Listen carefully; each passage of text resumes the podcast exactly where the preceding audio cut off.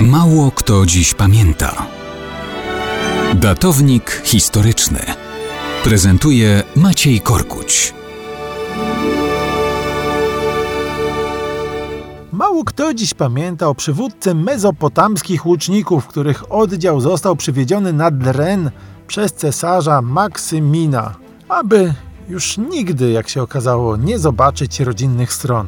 Człowiek ten znany jest w historii jako Macedo, w Polsce jako Macedoniusz.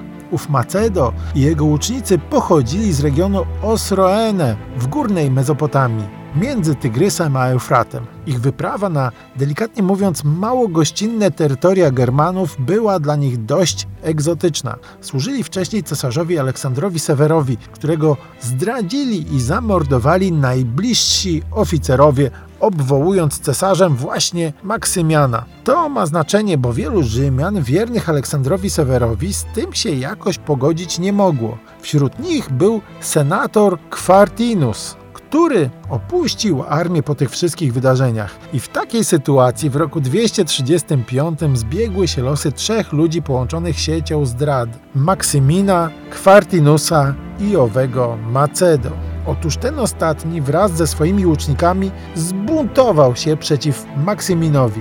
Chcieli pomścić Aleksandra Severa i ogłosili nowym cesarzem właśnie Quartynusa.